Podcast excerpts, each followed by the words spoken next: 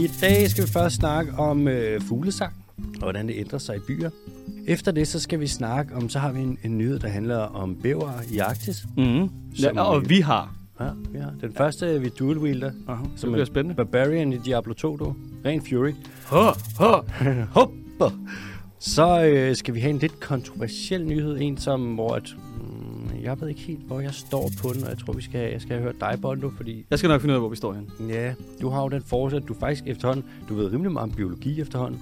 Du ved rimelig meget om, om biodiversitetskrisen, men du er ikke farvet af at have været studeret naturbeskyttelse. Så jeg, den her, der skal vi lige have, høre din mening på den. Fair. Mm. Og øhm, så skal vi snakke om svampe. Jeg elsker svampe, mand. Og øh, så skal vi snakke om øh, snekrammerne, der bare totalt er kollapset op i Bæringshavet. Kommer de hurtige nyheder. Der kommer fire af dem, og de er hurtige. Kommer der et quiz og bonder. Mm. Mm-hmm. Så kommer der spørgsmål for lytterne. Og så var der også en lytterløgn, men den kommer jeg til ikke at tage med. Ups. Let's go. Velkommen til. Velkommen til. Hvordan har du det, Alexander? Det begynder at sne. Ej, det er, sådan, det er hyggeligt. Ja, ja, det er så dejligt. Det kunne godt være, det kunne være lækre, hvis det lige gad at lægge sig lidt. Mm, sådan så det bare lå, i stedet for bare at blive til sharp med det Ja, samme. det kunne være fedt. Altså, fordi jeg har det rigtig meget op og ned af bukserne lige nu. Ikke så meget på jorden, Mm, når jeg er ude at cykle. følger. Og det, det shopper. Ja. Vi er det mest shoppede land i verden. Men har lagt mærke til, at det er også fordi nogle gange, så København er også bare lige 10 grader varmere end alle andre steder. Så når du ved, du kommer sådan noget 300 meter ud fra bygrænsen eller sådan noget, så ligger der bare sne. Altså, Det er som, jamen, det er, byen er varmere. ja.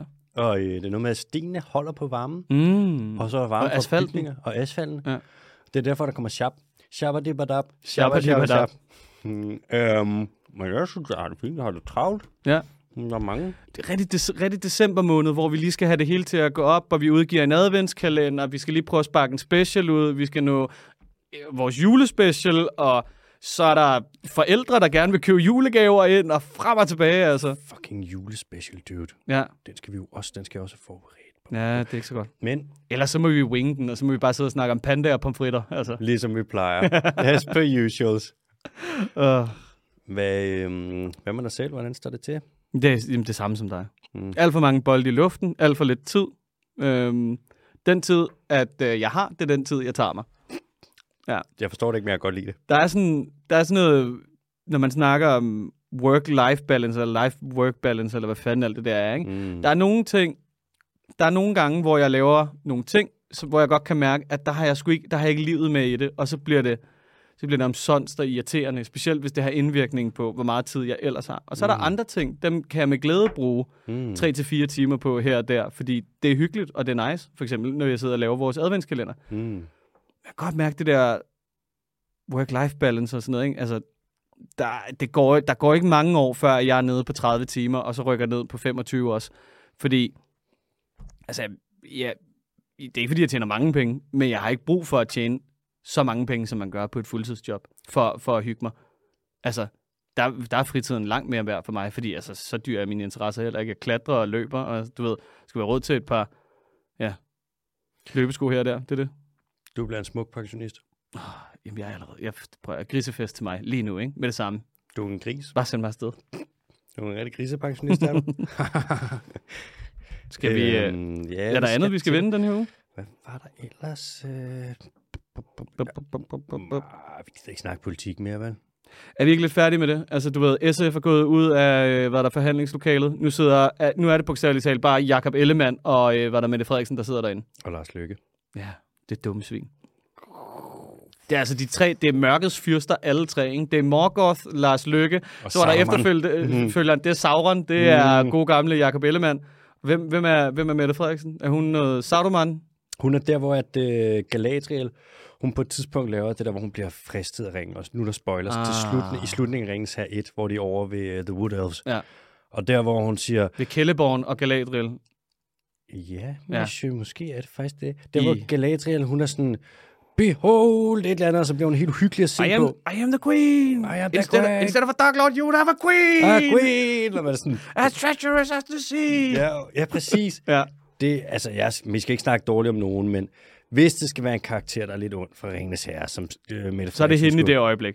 Ja, hun er jo blevet... Ja. Det er jo... Det er Lost Lorien, det er, hvor de står og kigger ned i det der bassin. Lorien, det er ja. rigtigt. Der, hvor de ser fremtiden. Ej, hvor er der mange spoilers. Undskyld. Nej, men prøv, dem skal folk have set nu. Altså. Hvis man er 20 år gammel, ikke? Mm. så er man født i år 2002. Mm. Så er du født efter, at alle Ringens Herrefilmene udkom. Og med det sagt, så hoppede jeg ud fra en bro, fordi jeg var gammel. Det var sindssygt, mand. Adios. Nå, vi skal til det. Vi starter med øh, en nyhed om fugle Mm. i byer. Ja, tak. Og øh, det er jo sådan i byer, hvis vi kigger på de dyr, der er, så fuglene, det er jo nok dem, vi ser mest. Altså bare tænk på duer, selvfølgelig, og kraver, Duer. duer, Hvad med duer? og ænder, og måger, og så videre. Ikke? Spurve også, ikke så meget mere, men altså... Det Der, nemlig der er sådan- et eller andet med de der dumme måger inde i byen, som jeg ikke kan forene mig med. Fordi jeg er jo vokset op, du ved, på en havn. Mm. Så det, jeg forbinder det meget med, nu er der noget vand, og en å, og en bæk, og en fiskekutter, og et eller andet. Ikke? Ja. Og så kigger man ud over nordvest, og det eneste, man kan se, du ved, det er en eller anden gut, der kommer kørende med en karavane af pølser, du mm. ved, på to hjul eller et eller andet. Ja, og så måger. Og Men måger. de er jo, mågerne er jo generalister. De, er jo, de spiser alt, og de kan sluge ret stort bytte. Så de kan sagtens altså, overleve inde i byen, hvor der er masser, der er masser af skrald. Måger. Der er masser af, folk smider pomfritter, og det er jo det, de lever af. Kan du huske, hvor store de blev nede på Gillelejehavn? Ja, de bliver store, men der er jo, Det er næsten bare sådan en halvanden meter måge, der var kunne flyve en gang med måge. den er jo verdens største måger. Det er en, der hedder en svartbæk. Mm. Og den er der her i København. Jeg har fået den i fuglebingo mange gange. Den er kæmpe stor. Svartbækken er sort på ryggen. tror, du skulle til at sige, at du har fået den i fjeset mange gange. Jeg har fået sådan en i fjes mange Dunk. gange. Du må da også være din nabo. Nå, Anyways, øhm, det er sådan, at når byerne, eller fuglene, de er i byerne, så øh, ændrer de adfærd. Hvis vi for eksempel tager en krav, en gråkrav. Vi har sortkraver i Danmark, men de er ret sjældne. Meget sjældent, man ser dem. Mm. Mest over i Sønderjylland. mm. Øhm, men hvis man tager en gråkrav, mm. den der, der er grå på brystet og ryggen, og så den sorte vinger, og så den rimelig stor.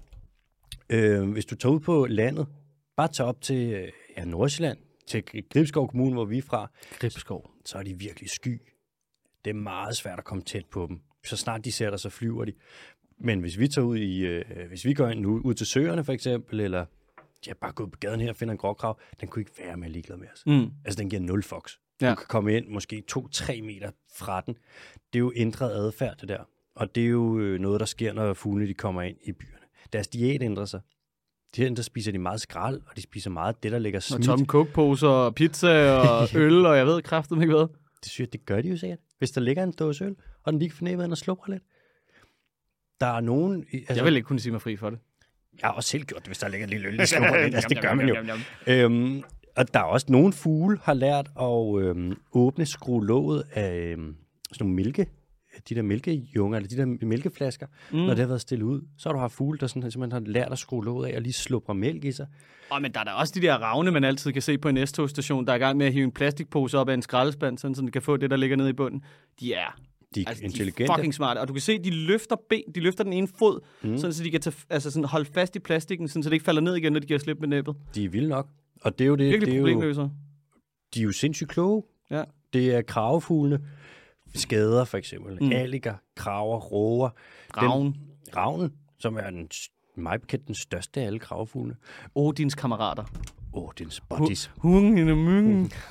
de er rigtig kloge. Ja. Den, øh, altså skaden er muligvis den klogeste fugleart, vi overhovedet har i Danmark. The damage. Den fucker din carport op. Også house damage. House damage er så klog. Skovskaden er mindre klog. Forest, forest damage. Når du hører en skovskade i skoven første gang, så mm. tænker du, wow, den der fugl, den er ikke glad. Mm. Den er rigtig, den er meget intens lyd. Nå, anyways. Nu har man, altså diæten ændrer sig for fugle i byerne, deres adfærd ændrer sig, de bliver mindre bange for mennesker osv. Men nu er der lavet studier, som viser, at deres sang også ændrer sig.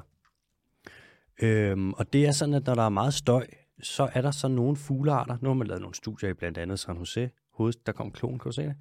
Der kom... Øh, jeg ikke bevidst om klon. Nu kom den igen. Ej, sorry, nu kom den igen. Uh, uh, uh, Åh, oh, oh, altså, kom væk med klon. Klon. Det er fordi, jeg sidder her og giver en lille fugl. Men hvis du kigger i San Jose, altså hovedstaden i Costa Rica, så har man undersøgt øh, nogle forskellige fuglearter sang over, jeg tror vist nok studiet var 20 år. Og når der er rigtig meget støj, så er der nogle fuglearter, som begynder at synge øh, med højere frekvens, altså et højere toneleje. Altså råber. Mere skriger. Skaber sig. De Bliver hysteriske. de bliver hysteriske, og menneskene gør dem hysteriske. Mm. For at overdøve det toneleje, eller hvad siger man, den frekvens, der er mest af i byen, så pitcher det lige lidt mere. Mm. Og Det er i og for sig ikke nødvendigvis et problem som sådan, hvis de synger lidt lysere. Men problemet kan være, at hvis så der er de her fugle, som har ændret sang, og de så skal mødes med nogle fugle, der ikke har ændret sang, skulle til at spørge. Er det ikke lidt, lidt ligesom, at man tror, at alle, der bruger tegnsprog, de kan snakke sammen, mm. men der er også dialekter og accenter af, af, tegnsprog? det er præcis det samme. Ja. Fugle, Fugle bruger, også hænderne. fugle de bruger, når de laver meget tegnsprog. Fugle, når de skal finde en mage, Ja. så synger de jo. Mm. Men hvis så magen ikke kan kende sangen, fordi at sangen er anderledes, end hvad de er vant til, så lige pludselig kan du faktisk have to grupper af fugle, der opstår. Hvis det opstod jo, ikke, så kunne det jo danne grundlag for, at øh, hvad der er fuglearter begyndte at divergere sådan rent evolutionært, fordi de ikke kunne snakke sammen. Så du fik to forskellige skader af en skade. Det er øh, menneskeskabt artsdannelse. Og Man, sindssygt. man kalder det, det er det, du siger, altså man kalder det speciation eller Mm. artsdannelse, ikke? Synger de også hurtigere, fordi der er lidt mere tryk på inde i byen? De synger ikke hurtigere, men der er studier, der viser, at de synger i længere tid, Okay. fordi de, gerne, de skal De jo vil gerne høres. høres. Men hvis de synger i længere tid, så den tid, de bruger på at synge, den bruger de ikke på at finde mad. Den bruger de ikke på at parre sig. Den bruger de ikke på for eksempel at holde øje med rovdyr. Mm. Så, de får dem, så bruger du et, et biologiterm, der hedder reduceret fitness. Okay, ja. Det ja. er reduceret, øh, hvad siger man, reduceret evne til at give dine gener videre. Mm.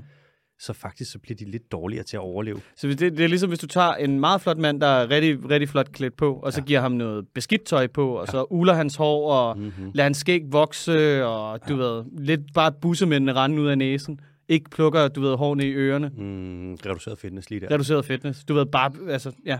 Du tager hans Fitness World med- medlemskab, aflyser lortet. ja. Reduceret fitness. Og det er det, fuglene har gjort for sig selv. Men har det ikke været et kendt faktum i mange år, at øh, køer rundt omkring i England, Mm. de murer med dialekt? det kan godt være. Det er jeg ret sikker på. Dialekt er ret... Det er normalt. Ja. Ved solsort for eksempel, mm. I Danmark alene der, der kan du høre forskellige dialekt på solsort sang, hvis ja. du tager rundt i landet. Og fugle kan ikke synge fra starten, eller de kan synge, men den melodi, de synger, den skal de lære. Så du har forskellige sange inden for forskellige arter. Men typisk så vil der ikke være så stor afvielse i tonelejet. Nej. Og det er det, der kommer nu. Fordi der simpelthen er den her baggrundsstøj i byen, som de skal op over. Og der er så meget støj, så de synger længere tid for at blive hørt. Så vi har, ja, du sagde det før, vi har faktisk, det går ikke så hurtigt med, at der bliver dannet nye arter. Jo, jeg giver det fem år. Det, slags, det tager lang Watch tid. it. Men øh, det er måske lidt det, der faktisk lidt sker. Så der er, Det kunne potentielt ske. Altså. at byen faktisk på en eller anden måde bliver et habitat på en måde. Og det, mm. Mm. er, det, er jo- det er jo det urbane habitat. Men at arterne så vil udvikle sig til det, og så vil de udvikle sig på en anden måde, når de er ude i den rigtige natur. Og det er menneskeskabt. Så kan det være, at man får en, en byskade og en landskade. Ja, det kan da godt være. vi får, måske vi får mange flere skader. Giv det et par millioner år. Det tror jeg også. Hvis det, altså, hvis det fortsætter sådan her i et par millioner år, mm. så har du altså virkelig divergerende arter. Så Og, og noget. apropos regeringsdannelse, så kommer det nok ikke til at fortsætte sådan her i et par millioner år. Nej, det gør det ikke. Nej. Nu skal jeg ikke være pessimistisk, men nej. Nej. Nope. Plaster på et brækket ben. AUB. Nå, så øhm, ja, det er jo også, vi påvirker naturen på nogle måder, os mennesker, som er ret direkte. Hvis vi for eksempel tager ud og fælder skov, så vil du være sådan, okay, ja, den natur der, den blev da godt nok lige modificeret, men vi gør det også øh, indirekte, og det her det er en af de måder, vi gør det indirekte på, ved at støje, Mm. så at dyrene må leve med vores støj, og, og så ændre sig som konsekvens af det. Og det er jo både til lands, som det her, men også til vands, som vi tit har været inde på. Malerne og Valerne og små marsvin og fisk. Og... Præcis, som brosten, de er, bruger hørelsen langt mere, end vi tror. Øh, og der er det altså bare et problem, når os mennesker, vi render rundt og støjer. Altså, du kan bare tage de der nødder tættere på dig. Du Der er, en, der er en lille mand. Jamen, jeg er ikke, øh, jeg er ikke på mad jo. Altså, jeg er stoppet med at spise. Nå, men det er fint. Det er meget, det gør de fleste folk Det, jo jeg, i lå, december. jeg lå syg en hel uge, og jeg har sådan, prøv at, øh, jeg når et punkt, hvor at der har jeg spist så meget junk food, fordi at jeg, jeg ligger syg, og spist så meget slik, fordi jeg ikke kan smage noget, at i, så stopper jeg bare lige med at spise i en uges tid. Du er et... Altså, hvor meget Søren holder af dig, ikke? Du er sgu et, du er spøjs, mand. Ja, det ved jeg godt. Kan du åbne munden? Nej, Gør det. jo, det kan jeg godt, men altså, du kommer ikke til at ramme. Åbne munden. Alex, du kan ikke ramme jo. Altså, Kom nu. du rammer lige øjet, din store idiot. Du åbner ikke munden ordentligt. det er fordi, dine øjne de ligner din mund. Du har tænder i øjnene. Helt lukket. Smiler som en frø. ja, du er ligesom The Corinthian. Mm. Nå, vi skal videre til den næste. Ja, tak. Øhm, og det kan være, at du vil, vil du starte den? Go Go Gadget, øh, hvad det hedder, vi har taget en fælles historie med på en eller anden måde. Du sendte den til mig, og så skriver du, den her, den har du, Bry. Øh, og så troede jeg, fordi jeg så på emnet, at du ved, at jeg bare skulle snakke rigtig, rigtig meget med på det. Det du mente, det var, at jeg skulle forberede historien. Den fangede jeg ikke. Det er fejlkommunikation fra min side, og jeg beklager, men vi har den. Vi skal til Arktis. Vi skal til Arktis. Det bliver varmere og varmere og varmere. Ja. Og hvad sker der så? Så kommer der, øh, så kommer der klimaforandringer, også lokalt, og der er måske noget, især i det område, lidt sne, der smelter. Og hvad kommer der så frem? Og hvad er der plads til? Små flodløb. Når der kommer små flodløb, hvad er der så? Så er der bæver. Det er jo det. det er så grineren, mm. at bæveren bare... Altså, fordi jeg tror, lidt det, der er den store pointe med den her artikel, det er, at du har nogle klimaforandringer, som er menneskeskabte. Mm. De menneskeskabte klimaforandringer giver plads til en bestemt, hvad kan man sige, livsform, som også er med til at skabe altså lokale, hvad kan man sige, sådan mikroforandringer i øh, lokalmiljøet. Og det er jo især ved, at bæveren, den laver, bæver, mm, bæver, mm, bæver, æren, æren, bæver, laver de her dæmninger, hvor at vandet så kan ophobe sig på en eller anden måde, så det skaber de her svampområder. Altså, øhm, sådan, du tænker mose Ja, mose og sump. vådland og Små sump. søer. Og, ja, ja, Mm. lige præcis. Og der er lidt mange problemer med det, kan jeg forstå. Der er ting, der... Altså, man er, man, man er påpasselig med at sige, at de skal udryddes, fordi det er en pest. Men alt peger lidt på, at det er måske ikke så godt, at bæverne er der lige nu. Det er, ja, smuk formidling. Det var det. Tak for det. Nej, det er jo sådan noget med, at laksen åbenbart, hvad det hedder, har nogle problemer. Fordi de skal gyde på en bestemt gyde. De skal gyde på en bestemt måde. Øh, hvad det hedder. Og der kan man... Nej, det var godt for laksen, var det. De får nogle gydeområder. det er sgu da godt, mand. Ja, men det er jo ikke så godt, hvis alt andet det bare sejler derop så. Man kan sige, at klimakrisen og altså de klimaforandringer, vi laver, er som udgangspunkt noget lort, ikke? Men så øh, kommer der, så gør det bare, at der er nogle dyr, der migrerer hen mod nogle andre områder. Mm. Bæveren blandt andet, ikke? Næststørste knæverart, der findes. Så den øh, amerikanske af dem her, ikke? Mm. Så går den derop, og så er det det, som du siger, den så hygger laver. den sig bare. Ja, den hygger sig på en super unik måde. Den er, man Og, kan, det, og, vi, og vi snakker i området, der er tundra. Altså, du ved, der er sne, sne, sne, sne, sne, is, is, is, det er is, typisk, is. typisk frossent, Ja. øh, og der er et enormt tykt humuslag. Mm. Altså et lag af organisk materiale, som ikke bliver nedbrudt, fordi at der ikke, øh, temperaturen er ikke høj nok til, at det bliver nedbrudt lige så hurtigt, som det bliver ophobet. Lidt ligesom at komme ned i fryseren. Det er faktisk lidt det. Det er også derfor, jeg kalder det tundramaskinen. Og bæveren er det, du kalder en... Øh, eller, jeg ved ikke, om det er sådan så officielt term, men nogen kalder det i hvert fald en, en ingeniørart. Mm. Fordi den laver jo de her modifikationer. Den laver en Men- fucking dæmning, dude. Det er så mærkeligt. Og den kommer ind og blokerer jo for øh, vandløb og det ene og det andet, så der kommer ophobninger af vandkroppe. Også fordi, at det, de siger i den her artikel, det er jo så, at, at bæveren sandsynligvis gør det, fordi så har den et sted ligesom bare at hænge ud og være væk fra predators. Ja, Men det virker altså bare som et omstændigt projekt at stoppe et helt vandløb, mere eller mindre. Mm. Fordi at nu skal jeg bare lige, du ved, Malibu have beachside, øh, hvad der er, lille resort. Men den er jo, det, alt det arbejde, den lægger i det, er jo også, kan på en eller anden måde godt betale sig. Mm. Den laver jo sin hule der, ude, så ophober vandet sig. Hule? Hule. Bæveren. Så ophober vandet sig, og så tager den og bygger i sin hule hen over det, så du kan kun komme ind i hulen fra vandet af. Mm. Og så har den selvfølgelig sine unger derinde. Så lægger den sine små bæveræg og ruller den ud. Men rovdyr vil jo ikke komme hen. En ulv eller en Nej, rev. de er pisse vandsky. Ja, de vil jo ikke svømme derind. Det er fordi rovdyr er ballademager. Ballademager er jo kendt for ikke at vælge i bad. Jeg skal i bad, mor. Altså, ballademager lugtede altid af sved, altså, da man var ung. Det er nemlig, det lærer vi også i biologi. Det Sådan der. er det. Og der kan man sige, det der med bæveren kom op, nu så jeg, at de havde, de har vandret ret langt. Man har set bæver deroppe, der simpelthen har slidt alt huden af undersiden af halen, fordi de har migreret så langt. Mm. Øhm, men man havde kigget på nogle luftfotos. Fuck, man skal også gå langt for at have skravet, altså skravet Mm. huden af, huden af sin hale. Bæver er til gengæld nemme, og øh, det er nemt at se, hvor de er henne, fordi de laver de her dæmninger. Mm. Så du kan bare tælle dæmninger på Ja, luftfotos. der var sådan et billede fra 1980, Ja. hvor at, øh, der var det anslået, der var 0. Og så til nu, hvor der er, jeg tror, hvad var det sådan noget? Nej, 11.800? 2019, 2019. Ja. Der er i skrivende stund 11.377 bæverdæmninger. Bæver er en de er ekstremt vigtige. Mm. Og den, den funktion, de udfører, er der ikke andre, der udfører. Jeg kender ikke andre dyr, der laver dæmninger. Mm. Der er nogle dyr, der har, så kalder man det at udfylde en økologisk niche, fordi du har en funktion i økosystemet. og en spætte for eksempel, den er jo også mærkelig. Den banker på noget træ, og så hakker den hul i det for at få adgang til noget mad. Så kan du se, det er der også en lemur, der gør, den der ej, Mm. ej, som er utrolig grim. Banker på træ, Ej, ej.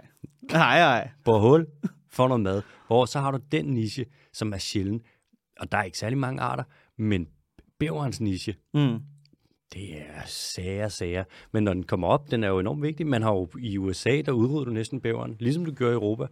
Og så Ja, for, ja, man var glad for at skyde den, ikke? Jo, jo, det er sket, Ja, når man giver efter. Ja. Og så for at få dem tilbage, så kastede man øh, bæver ud fra øh, i faldskærm. Det er så grineren. Og så har du på den måde, jeg ved ikke om, så kalder du det en repopulering, ikke? Eller en Jo, jo. Hvor gør du Det sådan en lille bæverfaldskærm i en bæverflyver. Så du en lige bæver. i en kasse. Det var sgu da der, det startede, hele bæver-idiotien. Var det det? Det, det tror jeg.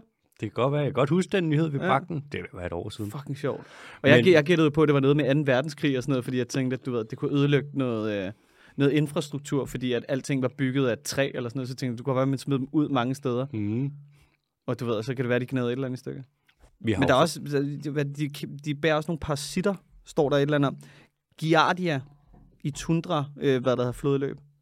Okay, så de spreder sygdomme.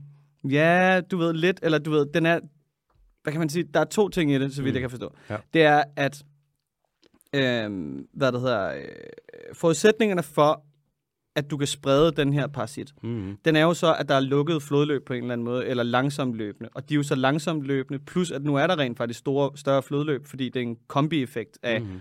flodløb og klimaforandringer, Mm. som ikke skulle være særlig godt. Og stillestående vand, det er der, hvor der kan være en masse, der ophober sig. Brakvand. Brakvand. Bakvand, bakvand det er jo så... Ej, det er bare ulækkert. Mm. Men øh, det er sjovt at se. Der er jo også, bæveren har været udryddet, både i, der er en art i Nordamerika, og så er der en i Europa.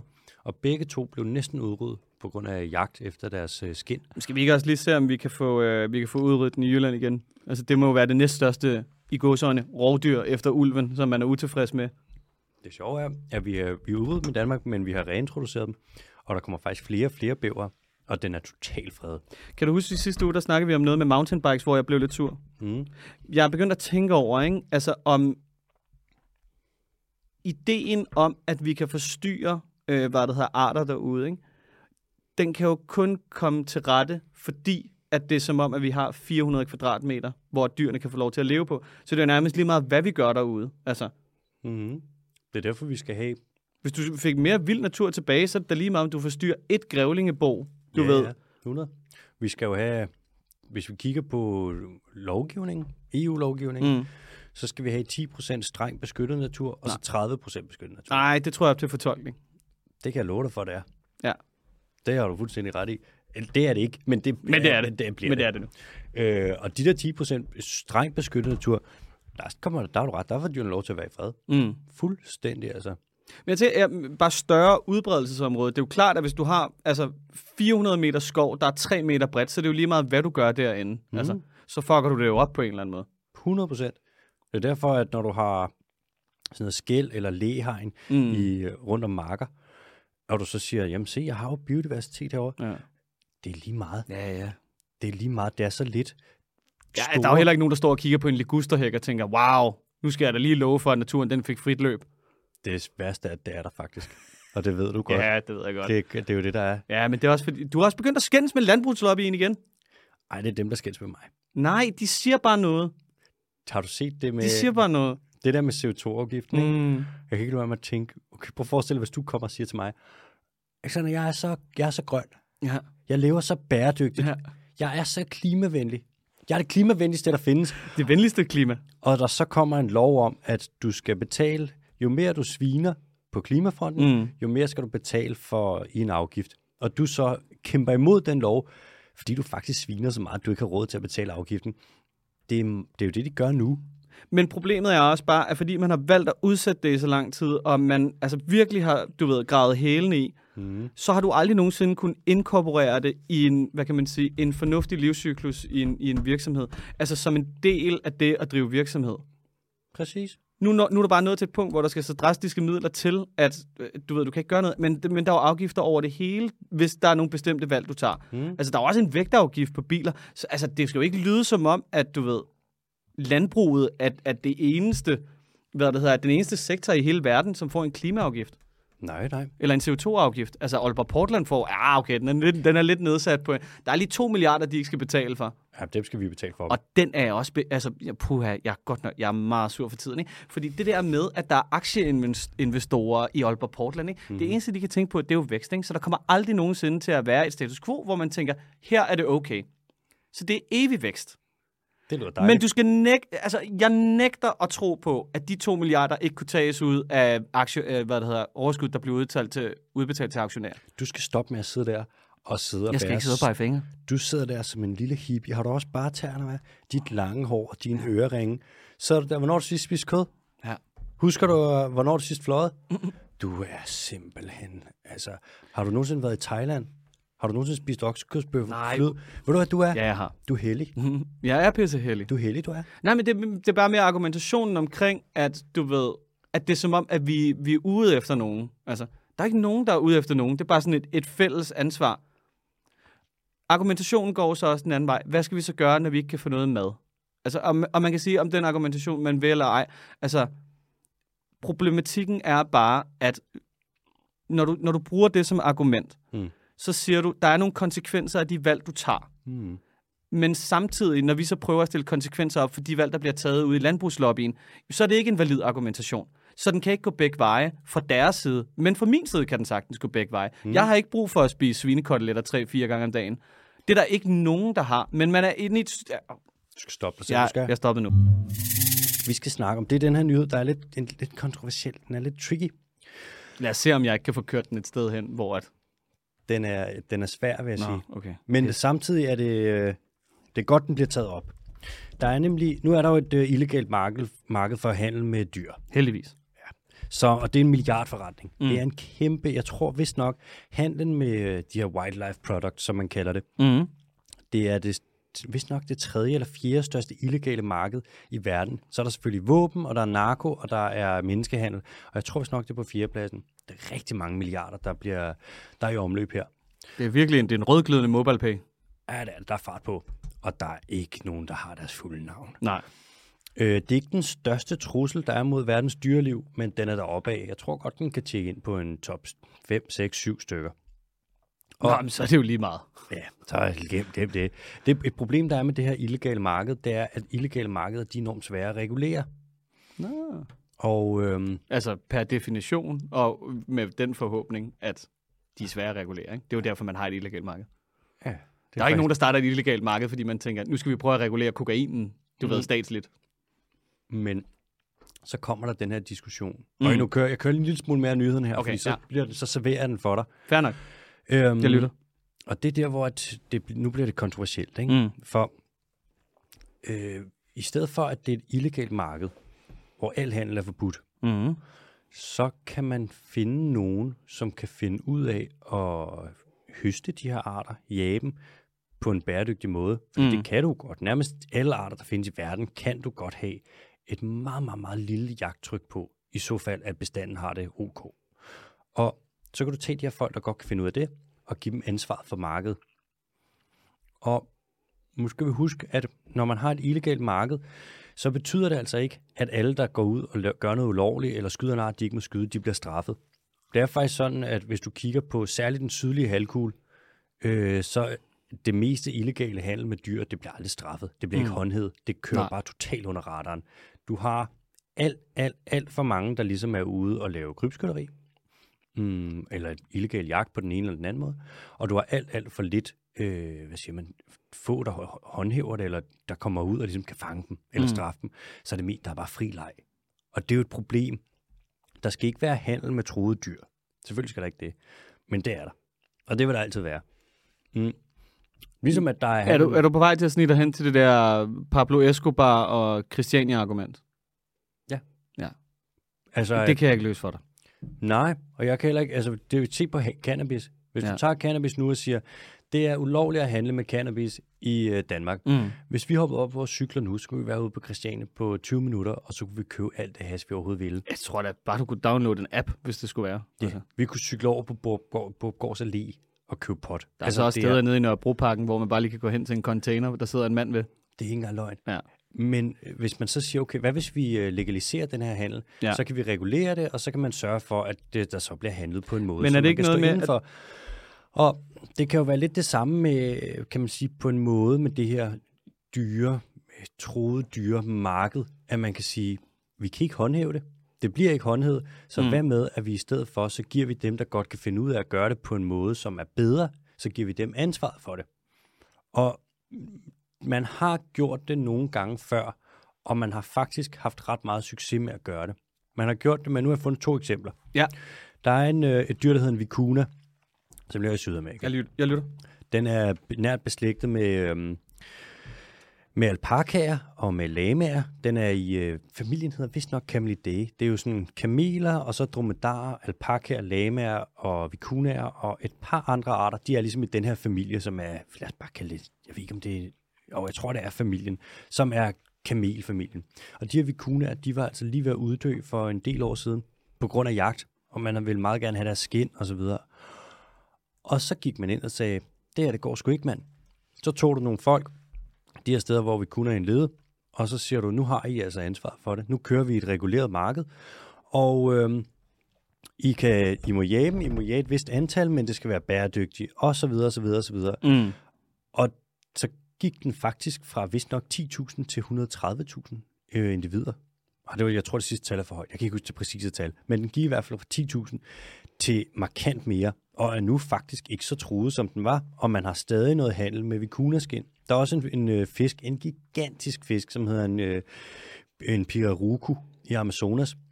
Altså fucking kæmpestor, som bare, der var rovdrift på dem. Kæmpe illegal marked, og de skulle handle, så man bruger skinnet, som er meget sejt. Det bruger du til alt fra tasker til punge og til støvler.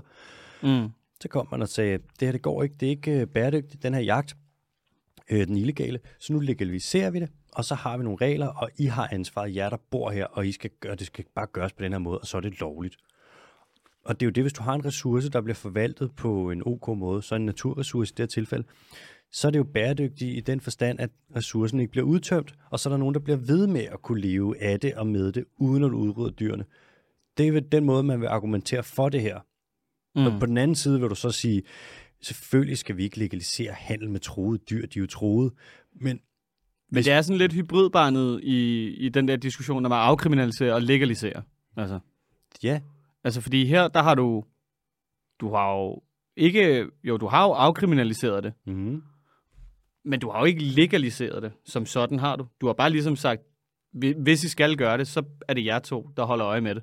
du har simpelthen bare nogle kvoter, Ja. så det er egentlig sådan, det er lovligt. Men, men ja, altså hvis man nu skal lege djævelens advokat, ikke, så har vi jo set, øh, vi skal ikke længere, længere væk end øh, to historier siden, da vi, da vi nævnte Lars Lykke, mm. hvordan at kvoter er usandsynligt svære at holde øje med. Ah, og en er kvotefiskerkonge, som også lige, du ved, var kommet til at, du ved, indregistrere nogle virksomheder i far og søn og, og så en, mor- lille, en lille robåd, der også var en kutter, og og igen, manden er kun frifundet på en teknikalitet. ups. Det er ikke, han har gjort noget forkert, men det er på en teknikalitet. Hvor man alting er, jeg ved ikke, hvordan at man løser den her. Altså, det kunne sagtens være et løsningsforslag. Jeg tror bare, Vi har, øh, kriminologer, de må lige melde ind her. Hvad, hvad, hvad er ideen? Altså, fordi der er jo... der er sådan en slags grundlov, der handler om det her med handel med vilde dyr, Ja. på tværs af alle de her grænser.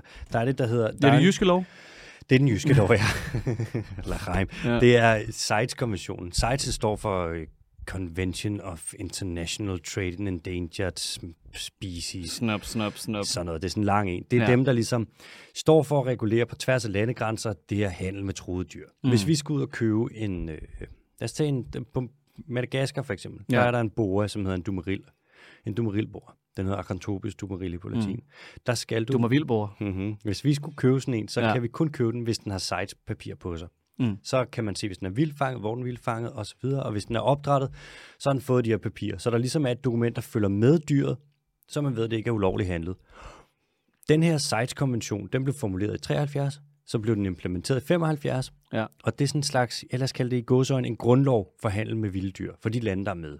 Der er nogle lande, der er med, som skider tykt på den, men de fleste lande respekterer det. Det er Og- ligesom Norge og Valer. Præcis. Ja. Ja, faktisk, og IWC. Mm.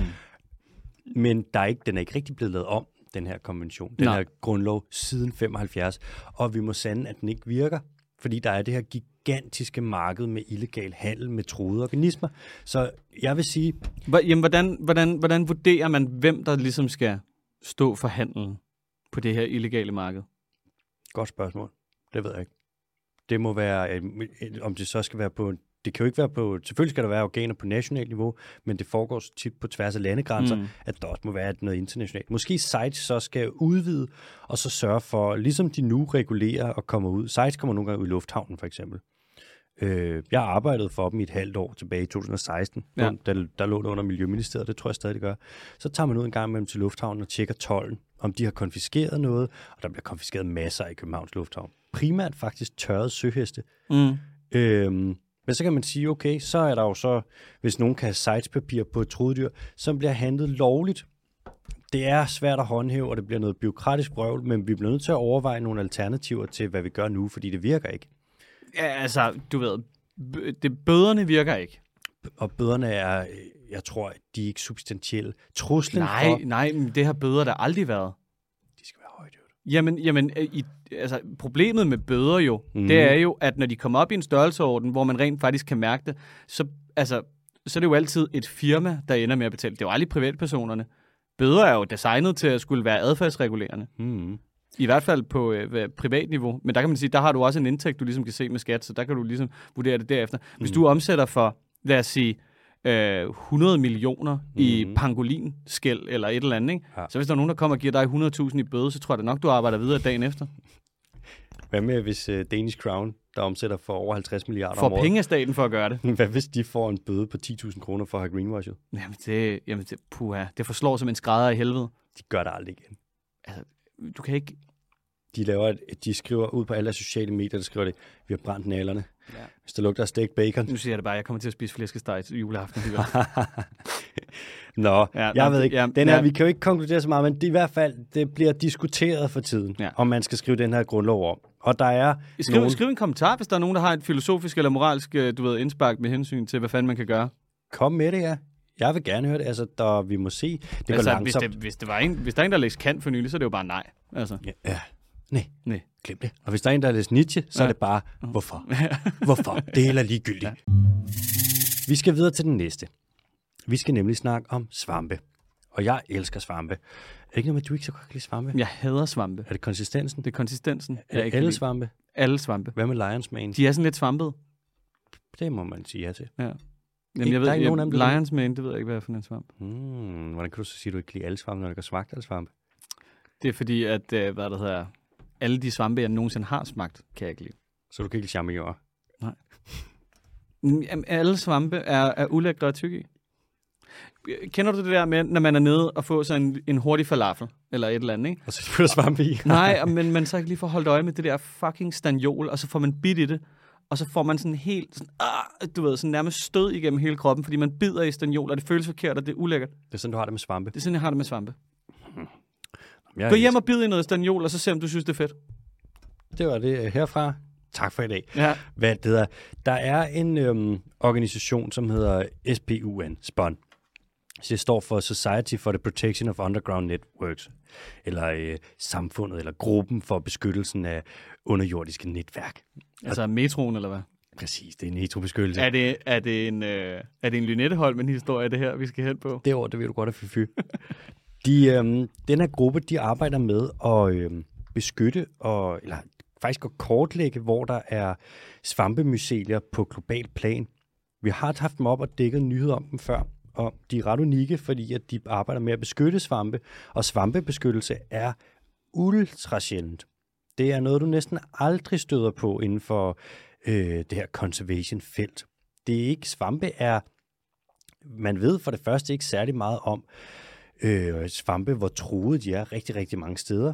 de er enormt svære at studere, fordi at de jo er, størstedelen af svampene er jo ikke det, som vi tænker på som en svamp. Det er jo den der paddehatteformede en der. Det er frugtlemmet. Det er det, der kommer frem, når svampen skal formere sig og sprede sporer. Det er lidt svaret på svampens svar på et æble på et æbletræ. Størstedelen af svampen er det, der hedder myceliet, som er forestiller sådan et, et rodet netværk, som ligger under jorden. Og myceliet er så dannet af de her tråde, sådan nogle små tynde nogen, som også minder lidt om rødder, som hedder hyfer.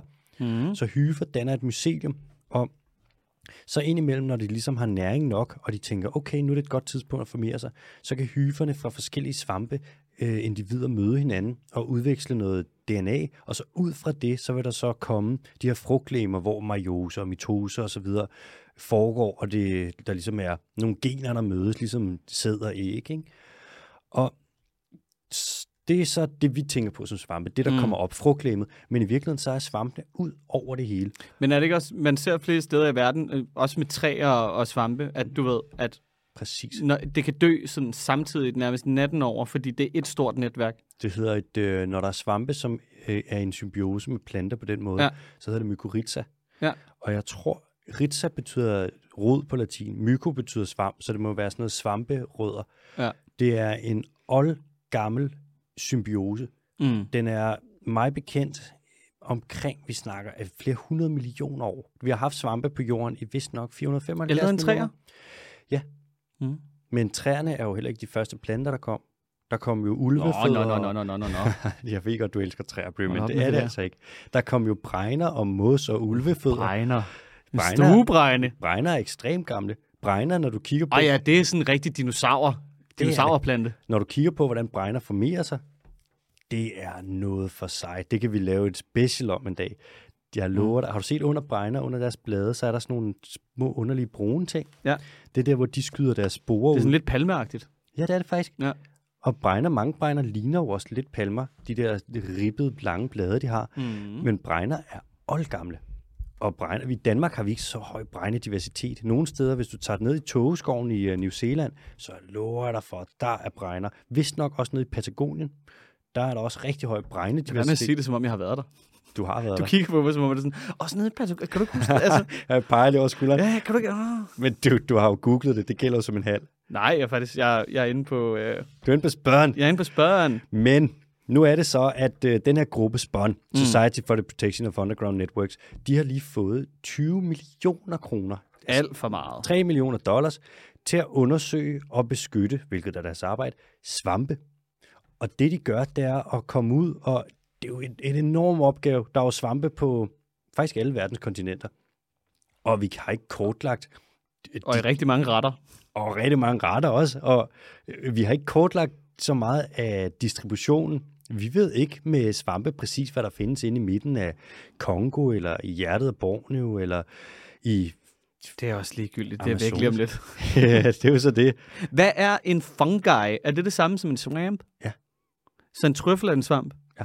Så kan jeg godt lide, så kan jeg godt lide svampe. Se nu der. Ja, ja. Øh, muk er også svamp. Men ikke på chips. Nå. mm. Nej, muk er også en svamp. Gær er også svamp. Ja, gær er en svamp. Ja. Så når jeg står og laver øh, Det er det, der er med svampe, at de fun- der er nogle svampe, der det er har... bakterier. Ba- Svampe har jo som oftest, mig bekendt, de fleste arter, laver det her med de her hyvetråde, som mm. laver et Mm. mycelium. Men gærsvampe, de laver, de er enkeltcellede. Siger du, der er svamp i mit surdejsbrød? Dit surdagsbrød er surt på grund af svamp. Du skal navngive svampen i dejen. Name the swamp in the dough. Ja. Det deler sig, de her encellede øh, små gærting. Det er derfor, at den hæver så gæret. Så når der er sukker til stede, så vil det dele sig. Så vil det så dele frigiver sig. det noget CO2, og... Det Så ikke det? fri, jo, jo, så kommer der jo så... Jo, det er jo faktisk derfor, at det hæver. Ja. Så, øh, så bliver 2 bliver til 4, bliver til 8, bliver til 16, bliver til 32, og så videre, så videre celler. Mm. Det er det samme, vi ser med øh, alkohol. Altså, alkohol bliver jo gæret af en svamp, den hedder Saccharomyces cerevisiae. Det er jo der, hvor så er der forskellige strains, sorter af den her svamp, som man har fremavlet. Ligesom at du har fremavlet en masse forskellige hunderaser ud fra ulven. Og en Er det der, altså, så, man er, så for eksempel, hvis du, hvis du er nede og køber noget gær, jo, ikke, så kalder man det en monokultur af gær. Så er det fordi, man har fremavlet en kultur. kultur, Og en kultur, det er så en masse som er individer. ekstremt effektiv. Ja, det er en Ja. ja. kultur, det er en, en koloni af, øh, af små individer, ikke? Ja. Og hvis du tager og kigger på øh, Carlsberg for eksempel, Mm. en af grundene til, at Carlsberg måske fik så meget succes, det var, at de har et ekstremt, de fremavlede et rigtig, rigtig, rigtig effektivt gær strain. Det er rigtigt. Men det er jo også verdens bedste øl. Probably. Probably. det jeg elsker den reklame, det er jo genialt. Uh. Men Så dyrt at købe Mads Mikkelsen. Kan vi købe Mads Mikkelsen? ja, det kan vi godt. Hvordan er vi med tiden, By? Ah, vi er Ja, okay. vi har, vi har, vi har så tid. hvad det hedder. Øhm, men man har ikke studeret svampe og øh, svampe, hvor de er udbredt henne særlig meget. Nej. Men nu er der kommet nogle nye værktøjer til at gøre det. Mm. Nu kan du gå ud, og så kan du tage en lille skål fuld jord et sted, og så kan du oprense det DNA, der er i jordet, og så kan du, ligesom jeg har gjort med lort for flagmus, Mm. så kan du kigge på det DNA, og så kan du øh, sekventere en lille del af det. Og den lille del af DNA'et, som du sekventerer, den kan du bruge som nærmest en slags stregkode, mm. Og så kan du bruge det holdt op, holdt op mod en database, og så kan du se, hvad for nogle, nok ikke arter, så specifikt er det ikke, men hvad for nogle, måske slægter, eller højst sandsynligt familier og ordner, der er af svampe i et givet område. Så hvis vi to tager ud til hjertet af Kongo og får en ordentlig skefuld mudder, Mm. så kan vi smide det, altså oprense det og lave noget, det er jo så metabar-coding for eksempel, vi vil lave på det. Og så kan vi sekventere lortet og finde ud af, hvad for nogle svampe der er. Og det er det, som de vil gøre nu, de her spånd. Og så vil de finde ud af, tror jeg, det fremgik ikke med detaljer, men det er det, de vil gøre. Alt andet havde været fucking fjollet. De kommer til at lave metabar-coding, eller noget, der hedder shotgun sequencing. Og så finder de ud af, nogle forskellige steder i verden, Oh, American. Shotgun sequencing. Shotgun sequencing. Så finder de ud af, hvor er svampene, og når man finder ud af, hvor der er høj svampediversitet, så ved du, hvad for nogle områder det er godt at fokusere på, hvis du skal beskytte så meget som muligt, på så lidt plads som muligt. Mm-hmm.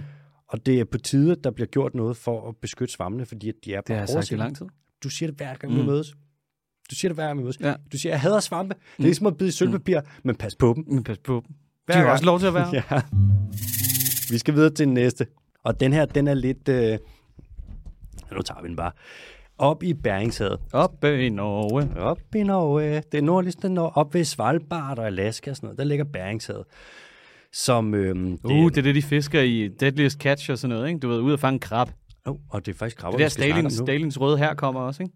Jo, jeg tror, de er nok også deroppe. Ja. Jeg ved ikke, hvad det er for en krabbeart præcis, men det er de er helt sikkert deroppe. Ja. Der er røvkoldt deroppe, Mm. og der er noget af det bedst regulerede fiskeri i verden. Nå.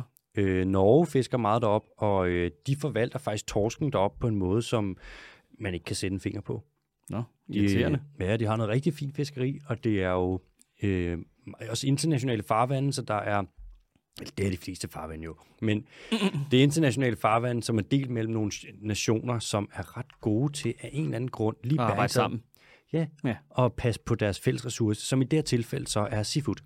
Nu er der så de her snekrabber derop.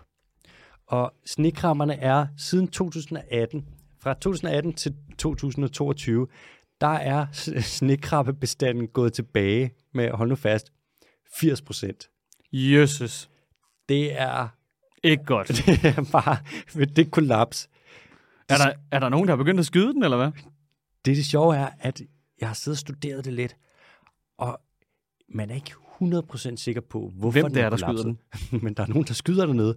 Det må være Americans. Nu er, øh, i år, der er fiskeriet lukket. Det er en milliardforretning. Der bliver Alaska tjener hvert år på det her fiskeri, der tjener de 138 millioner dollars, men det er lukket. Øh, og det, så er der nogle forskellige teorier, der er lidt diskussion om, hvad fanden skete der med de her krabber? Og hvis vi lige går tilbage til 2018, så kom der et boom i antallet af nye krabber, der ligesom kom til. Boom. Af en eller anden grund, så eksploderede det, og der kom Det er ikke, fordi man begyndte at lægge mærke til dem eller noget. Nej, nej, man har jo lagt en masse af mærke til dem, hver gang du hed dem op i nettene, så man har haft en idé om, hvor mange der var. Mm. Mm. Men af en eller anden grund der, så kom der fucking mange. Øh, og så hen over de næste par år, så har temperaturerne bare spiket. Det har været, det er blevet varmere op end meget, meget, meget længe før, på grund af klimaforandringer. Kan om det kunne noget med det at gøre? Og så sker der det, når krabber, hvis, øh, hvis det bliver varmere for os pattedyr for eksempel, så vil vores metabolisme sænke sig lidt, fordi så skal vi ikke bruge så meget energi på at varme vores organisme op. Men krabber gør det modsatte, så når det bliver varmere for dem, så kører deres metabolisme også op. Nå, fedt. Og når metabolismen stiger, det ved du, hvis du træner meget for eksempel, så Tak, skal fordi du begyndte at lægge mærke til det. ja, det var så lidt. Så bliver du også mere sulten. Og så æder Jeg gør ikke. Nej, din appetit, din appetit er et kapitel for sig. Du Ja. er, man, Ja, ja. man kunne lave en PhD om dig. Bondometabolism. Men Der er noget leptin og grelin, der ikke fungerer ordentligt herovre. Der er noget, der er, du skal spise nogle flere øh, fabrikskoteletter. Ja, for helvede. Men nu har de så sig fra hus og hjem. Når der er for mange krabber, eller når der er rigtig mange krabber på meget lidt plads, og de skal bruge rigtig meget mad, så får de bare sig ned. Og Time Magazine, de har skrevet en artikel nu, om at øhm, grunden til, at der ikke er flere krabber, det er simpelthen fordi, de har kannibaliseret sig ihjel. Nå. Når der ikke er mere mad, og hvis du godt, altså de fleste dyr, eller mange dyr, de, Og så krabber ved godt internt, hvor lækkert krabbe smager. det er problemet, dyrt. Mm, Det er for øhm, helvede. narcissisme på en helt, på en vemmelig, vemmelig, vemmelig måde. Nej. Og jeg så, så har jeg siddet og læst nogle andre artikler, hvor at de er ikke sikre på, at der er tale om sådan en masse kannibalisering. Der er nogen, der mener, det er trålfiskeriet, hvor krabberne så i høj grad har været bifangst. Mm-hmm. Og det antal krabber, det antal, de er gået ned med, det er absurd. De er gået fra, i 2018 var der 12 milliarder af dem, cirka. Nu er der omkring to. 12 milliarder. Cirka. Cirka 12 milliarder. Der er nogen, der har talt, men det tager lang tid at tælle. Der er nogen, der mener, det er trålfiskeri. Der er nogen, der mener, at det simpelthen er bare temperaturen i sig selv, som gør, at det er der et eller andet i krabbens organisme, som ikke kan holde til de her spikes. Mm. Men det hele foregår under vandet, og det foregår rimelig langt nede, så man er faktisk ikke, så vidt jeg ved, helt 100% sikker på, hvad det egentlig er.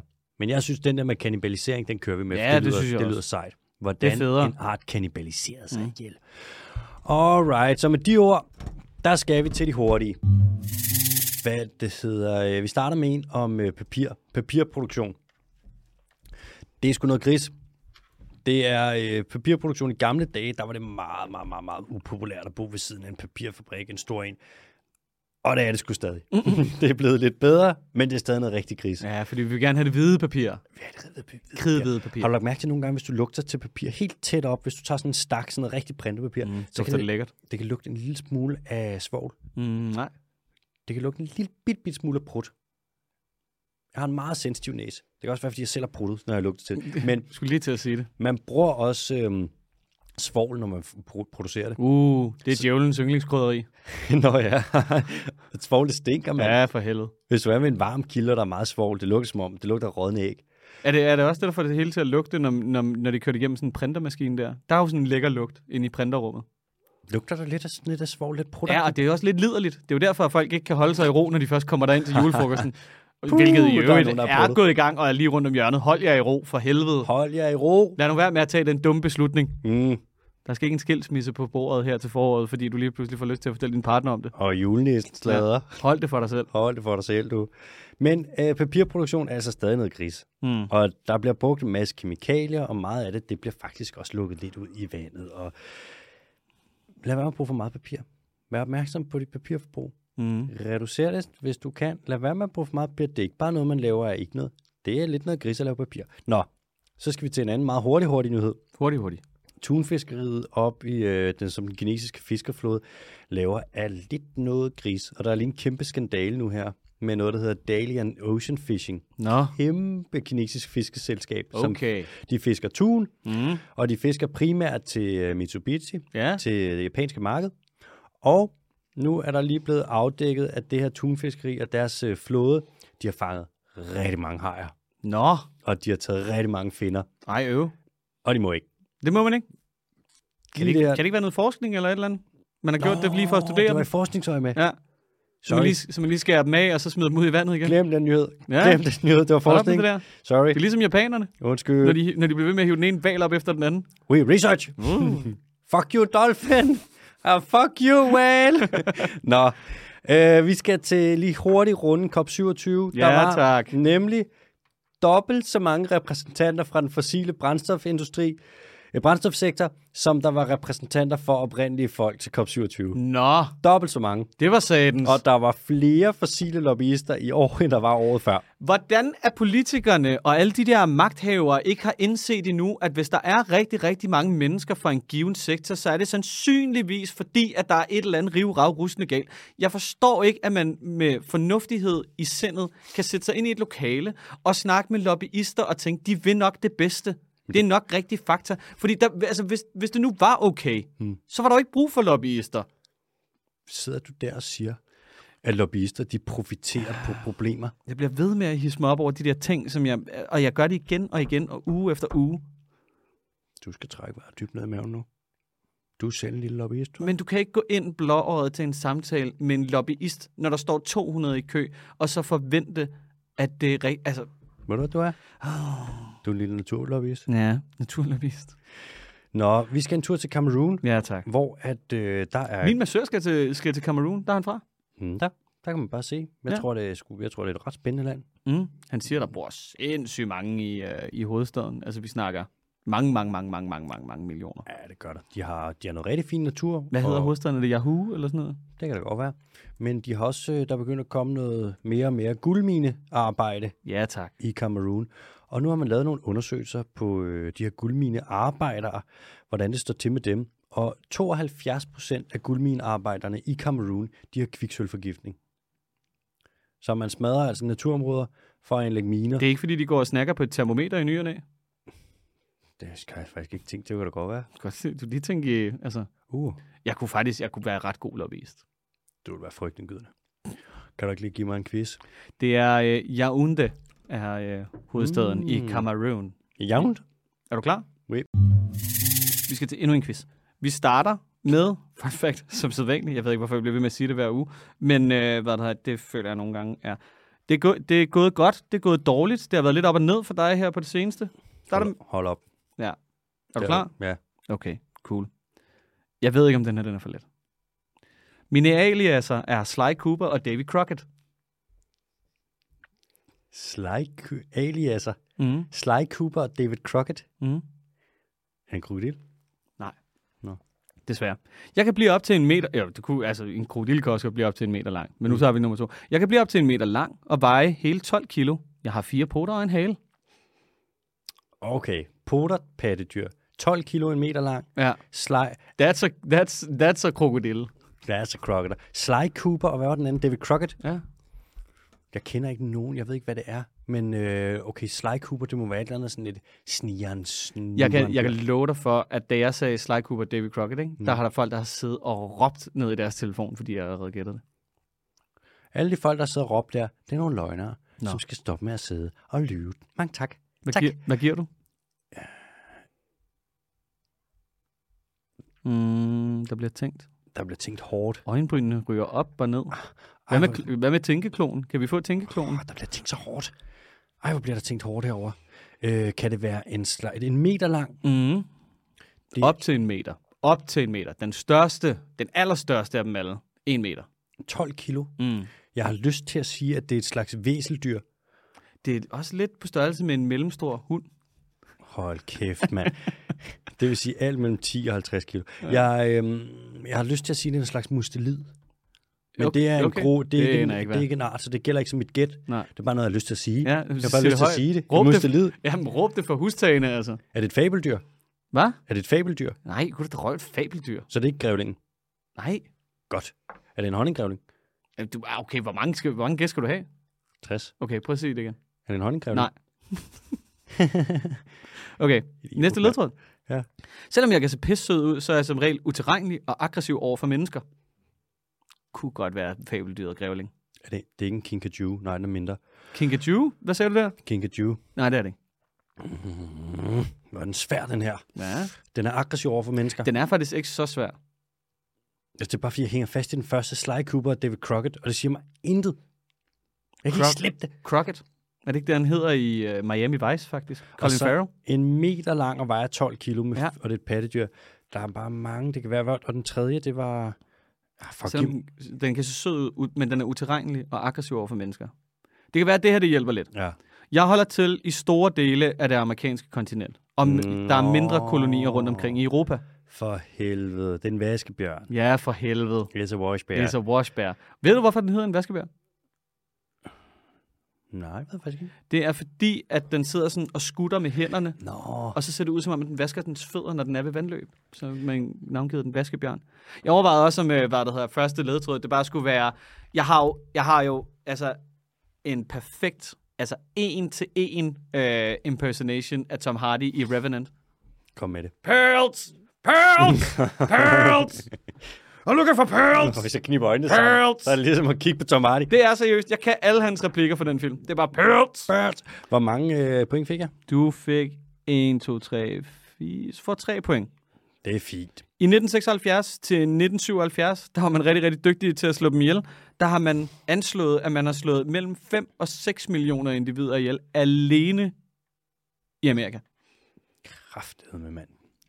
Den har virkelig, virkelig god finmotorik i forpoterne. Den har farvet hår i ansigtet, så den ligner Robin fra Batman. Og så har den skiftevis sorte og grå, øh, gråfarvede pelsringe langs halen. Og det var det. That was vaskebjørnen. Fint. Og det er slet ikke en rigtig bjørn. Nej, det er ikke. Det er rigtig snydebjørn. Nå, vi hopper til spørgsmål for lytterne. Først er der et fra Magnus, som skriver... Nå, okay, jamen jeg har ikke taget noget med, eller hvad? Et spørgsmål fra nogle af lytterne overhovedet? Har du nogle spørgsmål? Jamen, du går bare først. Jamen, det gør det. Er Magnus, der skriver, Ola, Mr. Holm og Mr. Bondo. Hej Magnus. Hej Magnus. Det var en stor fornøjelse at møde jer på social og virkelig mærke varmen brede sig i takt med, at ens t-shirt fik printet det famøse DDT-logo på sig. Det var godt, Magnus. Vi hyggede os også. Dejligt, du. Så er der omvandrende reklame, og nok om det. Jeg har et spørgsmål. Fyr. Vi har jo nogle landbrugsdyr, som bliver stopproppet med antibiotika fra fødsel til slagtning. Hvordan påvirker det det forbrugeren, der spiser kød? Altså har det nogle sundhedsskadelige effekter? Nej. Jeg ved det faktisk ikke. Altså antibiotika. Ja, Ja, altså, hvis grisen kan udvikle resistens, så kan du også. ja. Spørgsmålet er, hvor meget af antibiotikaen, der kører videre i kød. Jeg, jeg, uden at vide det, så vil jeg gætte på, at der er nogle grænseværdier i kød for, hvor meget øh, antibiotika, der må være i det, før det kan sælges. Men er man ikke, er man ikke begyndt at se, at, se, at uh, bredspektret antibiotika heller ikke virker på mennesker? Jo, men jeg ved ikke, hvor stor en del af det, man kan skylde på antibiotikaresistensen, som ligesom opstår i de bakterier, der er i landbruget. Nej. Men der er selvfølgelig noget med, altså vi, ser antibiotikaresistens hos svin. Og Altså- Ja, man kan sige, de bakterier, der er der, Staphylococcus aureus for eksempel, kan godt også ramme mennesker, mm. og dræber også mennesker. Ja. Og der er multiresistent Staphylococcus aureus på hospitaler. Og, ej, det hedder ikke multiresistent, det hedder noget andet. det er ikke MRSA. Nej, det er sådan noget. Det er jo, er det svineinfluenza? Ah, det kan jeg sgu ikke huske. Men jeg vil gætte på, at det direkte påvist sundhedsskadelige øh, effekter på dem, der spiser kødet. Jeg er ikke sikker på, at man direkte har påvist, hvis du spiser fabrikskotelet, så, bliver du, så er der større chance for, at du bliver syg.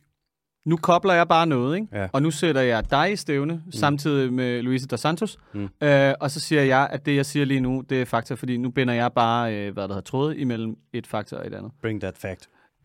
Så vidt jeg husker, så, hvad det hedder, dos Santos, da hun var herinde, hun kigger meget på det her mikrobiom, og hvordan det kan påvirke resten af organismen. Mm. Og pointeret, at noget som antibiotika Mm. er ikke målrettet, så det slår alle bakterier ihjel. Mm. Lidt ligesom, at alkohol slår alle bakterier ihjel, på samme måde som når du drikker det. Og lava. Og lava. Mm. Kunne der være noget med, at hvis du ikke har særlig god mikrobiom i en grisemave, så kan den ikke optage de rigtige, den rigtige næring for den mad, den bliver givet, og derfor bliver kvaliteten af det produkt, du slagter, dårligere.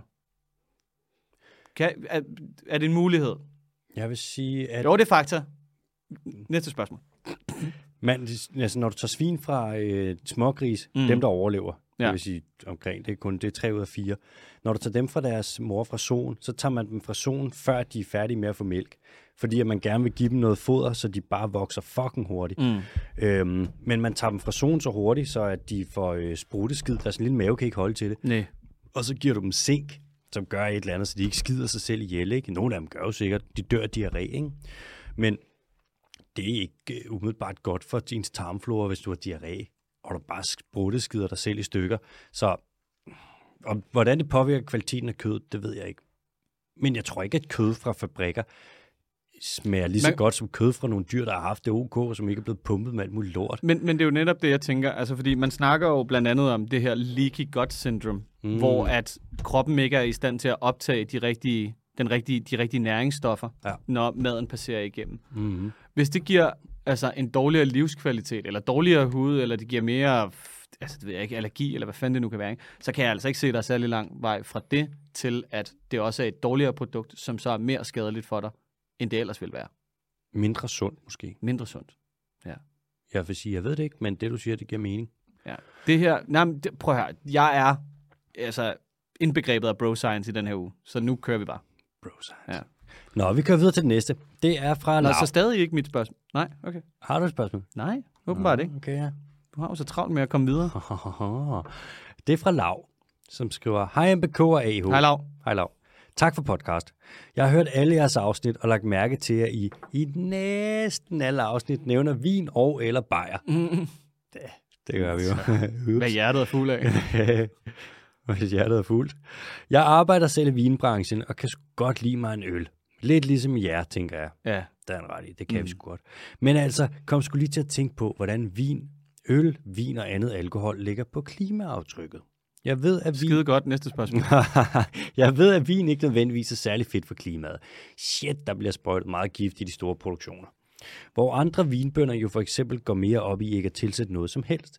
Jeg ved ikke en skid om øl. Hvor meget udleder for eksempel Tuborg? Måske kan jeg uddybe og snakke lidt om det i et afsnit. Ha' en god dag. Venlig hilsen, Lav. Okay, øhm, lad os lige se. Hvis man sprøjter meget, det er jo så, hvis du har store vinproduktioner, hvor du sprøjter meget, mm. så vil du typisk sprøjte øh, kover, for eksempel, fordi det dræber svampe på druerne, så der ikke kommer for meget øh, ja, svamp, så det ikke mugner.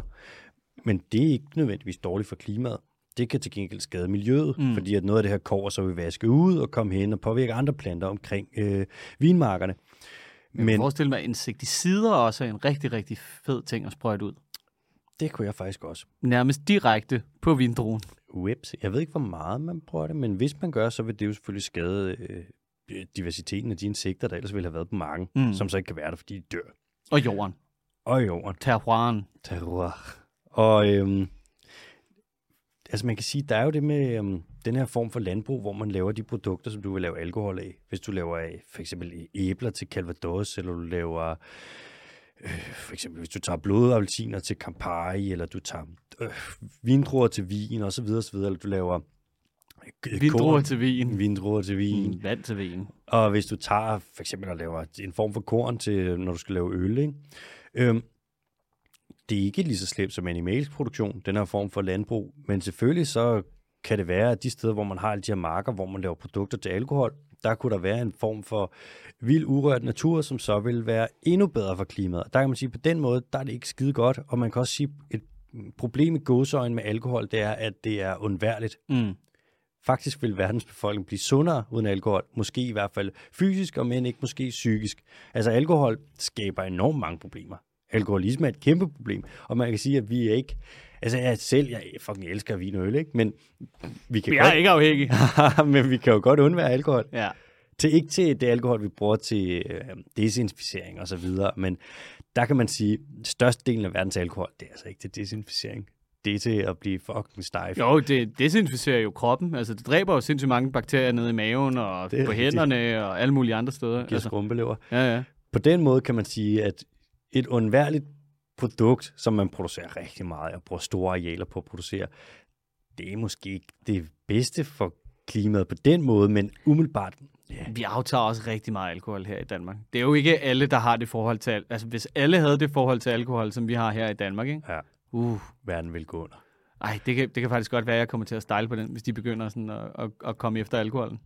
Ja, der kommer jo CO2-afgift på landbruget. Og, Så er det, altså, så er det fuld on, så er det fuld on landbrug, landbrug fødevare. men hvis man laver øh, de landbrugsprodukter, som du bruger til alkohol, det er ikke noget, der belaster klimaet særlig meget i forhold til animalsk produktion. Så det er ikke det, som CO2-afgiften er skruet sammen for at ramme. Så jeg tror egentlig, at alkoholproduktion Det er der, jeg har byttet.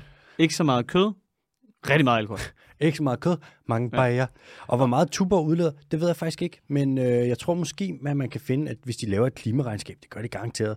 Øh, Tuborg ligger jo også under Carlsberg. Carlsberg har faktisk købt Tuborg, og Carlsberg vil sikkert lave, de har sikkert noget, der handler om bæredygtighed, Mm. mm. fordi det har alle store virksomheder nu. Og det kan være, at der er et sted der, de prøver at blære sig med et eller andet der. Det ved jeg ikke. Men øh, ja, måske. Men det er nok, der er nok pyntet lidt på sandheden. Det håber jeg var svar på Der er det. nok Lav. noget distribution og nogle færger og store både, og jeg ved kraftedeme ikke hvad, som ikke lige Lidt. bliver talt med de rigtige steder. Lidt skrivebordsgymnastik, som ja. også lige er lagt ind over. Øh, Bono, jeg har et, afs- et spørgsmål mere, men har du nogle spørgsmål? Nej, åbenbart ikke. Skal vi tage mit nu? Mm. Okay. Hvad det hedder, øh, den her uges spørgsmål, det er øh, direkte fra hestens mund. Det var Viggo, som vi snakkede om i sidste uge. Mm. Hans spørgsmål glemte vi. Åh, oh, for helvede, det er rigtigt. Sorry, Viggo. Det var Hvad fordi, vi ikke fik fanden? skrevet det ned. Du skrev det ned. Åh, Hvad fanden er en søgris? oh, ja. Det var fordi, vi kiggede på tegningen af søgrisen der. ja. Øhm, en søgris, det er en slags søpølse, som lever nede på dybhavet. Og så har den sådan nogle arme, som den kan øhm, fylde vand ud i. Og så ligesom, åh, hvad fanden er det, det hedder? Det kan jeg ikke huske. Der er et ord for det. Det er sådan en ting som pikhuder, altså en, øh, en, en, en søpøls, det er en pikhud, ligesom en søstjerne og et søpindsvin. Og de kan lave sådan en ting, hvor de kan putte øh, pumpe vand ud i deres lemmer, mm. og så på den måde, så kan de folde dem sammen og få dem ud igen. Ligesom når du puster en ballon op og suger den sammen, bare med vand. Og søgrisen gør det her med, at den kan få øh, sine arme på det, eller nogle tentakler på den her måde, kan få pustet ud med vand, men den gør det altså med... Altså sådan lidt som en, en, nogle cylinder, den lige fylder med vand. Ja, faktisk. Og så har den øh, syv ben, som den kan fylde op med vand. Så det er jo ikke ben, det er jo tentakler, men den går med dem som ben, når den skal bevæge sig. Og på den måde kan man sige, at det faktisk er det eneste, øh, det tætteste, vi kommer på et syvbenet dyr. Så en søgris, altså jeg vil opfordre dem, der gerne vil se en søgris, de kan bare gå ind, så kan de søge på søgris på øh, Google, og hvis jeg kender internettet ret, og det danske sprog ret, og hvor lille vores land er, søg på søgris, og så vil den dyriske team komme frem som noget af det første, og en tegning, jeg lavede en søgris en gang, som er fucking smuk, mand. Ja. Der er, en, der er en tegning af en søgris. Vi hopper videre til næste spørgsmål. Ja, tak. Det næste det er faktisk øh, en kommentar fra Mads, som skriver, Hej AHMBK. Hej Mads. Og sige for Gry og andre eventuelle indspark. Hej Mads. I forhold til det med tigeren, kan du huske, vi snakkede om tigerens kamuflage og farverne? Mm, mm, mm. Selvom den typisk skal gemme sig i grønne omgivelser, så er den orange, alligevel, så er orange alligevel det bedste kammo, den kan præstere. Hvis man er tigerbytte, opleves de to farver nemlig ret ens. Altså orange og grøn. Og nemlig ret ens, som nuancer af grå. Så fordi pattedyr, hvis det er ret dårligt til at lave grønt pigment, det er der vist slet ikke nogen, der kan finde ud af det, har tigeren valgt at gå med orange. Jeg tror heller ikke, der findes grønne pattedyr. Jeg kan ikke komme på nogen i hvert fald. Var det ikke det, var det, ikke, var det, ikke det jeg resonerede mig frem til, da vi snakkede om det? At man, det var svært at kende forskel på grøn og orange? Hmm, det ved jeg ikke. Det er jeg altså ret sikker på, at det var mit bud. Det kan det godt At man ikke kunne se spektrummet. Jeg kan ikke huske det, men ja, det kan være, du har ramt lige på sømmet. Jamen, fordi bløde nuancer som rød, gul og alle de her ting, der ligger på et andet sted på UV-spektret, den kan de fleste se, Ja, der kan se farver. Ja. ja. Men, men blå for eksempel er også enormt svær. Og grøn. Fordi de ligger typisk i koldere. Nå. Oh. Altså, det er koldere farver. Mm. Grøn kan også være varm. jeg kan en hot, en caliente grøn. Nå, Nå. Der var mere. skal han. Jeg mener, at der ligger en Attenborough dokumentar på Netflix, som indeholder en sort-hvid tigerbytte øh, bytte, øh, point of view scene. Jeg tror, den hedder Life in Color. Tak for god podcast. De bedste hilsner fra Mads. Tak for kommentaren, Mads.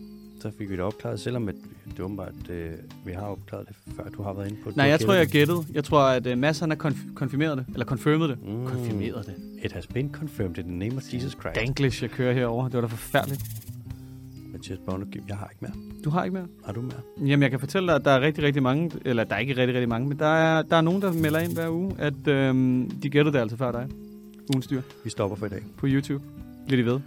Øh, øh, nu fik vi ikke sagt det til at starte med, vi fik nævnt det lynhurtigt, ikke? Gå lige ind og se den skide adventskalender. Ja, tjek det på YouTube. For helvede, mand. Det er hver søndag. Der sker noget. Det er kval. Cool. Jeg, Jeg har ikke mere. mere. har heller ikke mere. Jeg har heller ikke mere. Så siger vi bare adios. Bare farvel. Farvel. Hej. ja.